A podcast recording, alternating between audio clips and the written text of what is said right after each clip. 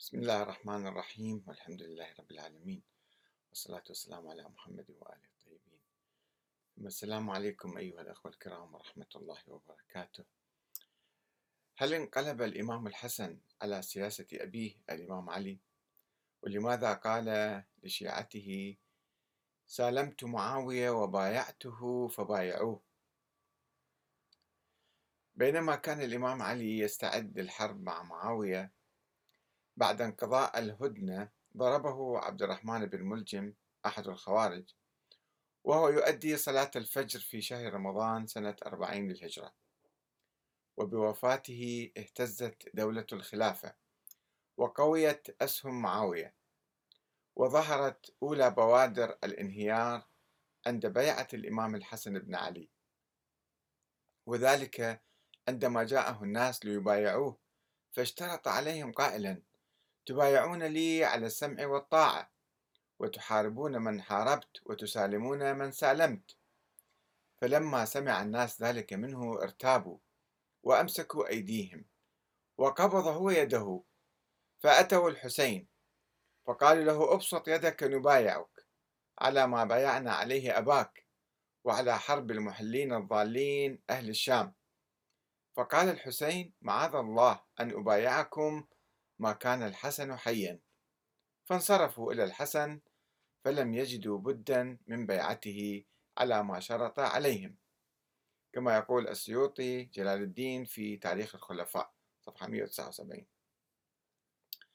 وبقية القصة معروفة وهي اتفاق الإمام الحسن مع معاوية وتنازله له عن الخلافة والإمامة. وقد, وقد تخلى الحسن بذلك عن كل الاعتراضات الدستورية التي كان يأخذها الإمام علي على معاوية من أنه من الطلقاء الذين لا تحل لهم الخلافة ولا تعقد معهم الشورى وتحذير الناس من استيلائه على السلطة حتى رفض أن يقره واليا أو يقبل به منافسا أو يتعايش معه مهادنا. فإذا بالحسن يسلمه السلطة كاملة ويأمر شيعته بالتسليم له وتقديم البيعة له بالرغم من أن الحسن كان لا يزال يحتفظ بأكثر من مئة ألف مقاتل. شكل تنازل الحسن لخصمه وخصم أبيه اللدود معاوية بن أبي سفيان صدمة عنيفة لأصحابه وللشيعة عموما. فقد دخل سليمان بن صرد الخزاعي الصحابي الجليل عليه وقال السلام عليك يا مذل المؤمنين. أما بعد فإن تعجبنا لا ينقضي من بيعتك معاوية ومعك مئة ألف من مئة ألف من أهل العراق و و و. ثم لم تأخذ لنفسك ثقة في العهد ولا حظا من القضية. فلو كنت إذ فعلت ما فعلت وأعطاك ما أعطاك بينك وبينه من العهد والميثاق. كنت كتبت عليه بذلك كتابا وأشهدت عليه شهودا من أهل المشرق والمغرب. إن هذا الأمر لك من بعده كان الأمر واشترطت عليه يعني أشهدت عليه أن هذا الأمر لك من بعده. كان الأمر علينا أيسر ولكنه أعطاك هذا فقط بالكلام يعني. فرضيت به من قوله ثم قال وزعم على رؤوس الناس ما قد سمعت. معاوية. قال إني كنت شرطت لقوم شروطا ووعدتهم عدات ومنيتهم أماني. إرادة إطفاء نار الحرب ومداراة لهذه الفتنة. جمع الله لنا كلمتنا وألفتنا فإن كل ما هنالك تحت قدمي هاتين. هكذا قال معاوية. فسليمان بن الصرد الصرد الخزاعي ينزعج من هذه الطريقة في الصلح ويقول والله ما أنا بذلك إلا نقض ما بينك وبينه فأعد للحرب خدعة وأذن لي أشخص إلى الكوفة فأخرج عامله منها وأظهر فيها خلعه وأنبذ إليه على سواء إن الله لا يهدي كيد الخائنين. ومعاوية خان الاتفاق. ولكن الإمام الحسن رفض السماح له بذلك.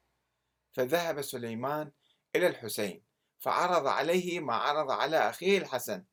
فقال الحسين ليكن كل رجل منكم حلسا من أحلاس بيته يعني جالس.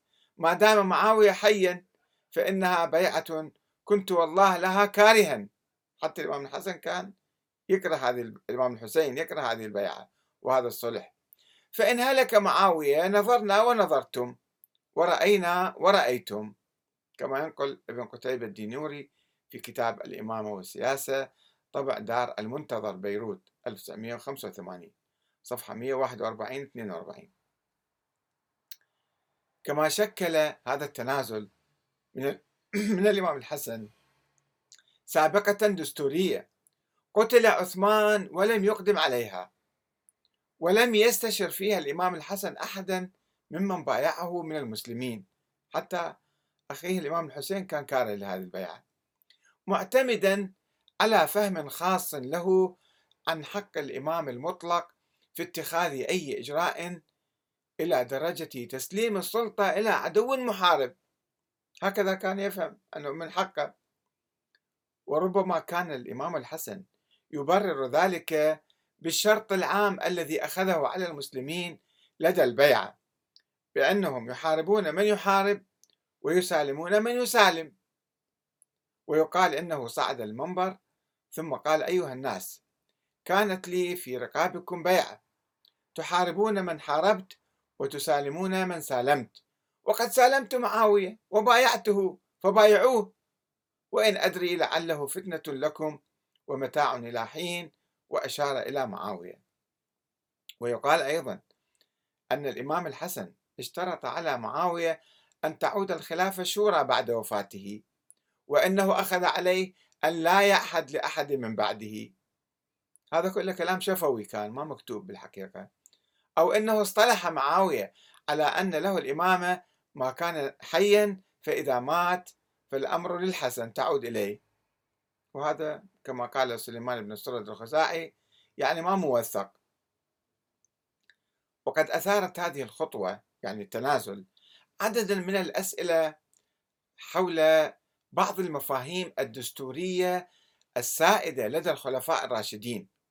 وفيما إذا كانت شرعية مقدسة غير قابلة للتعديل أو التبديل أم إنها نابعة من وحي الظروف والأعراف والتقاليد والاجتهادات الخاصة وبالتالي فإنها قابلة لأي تغيير أو تبديل أو اتفاق جديد.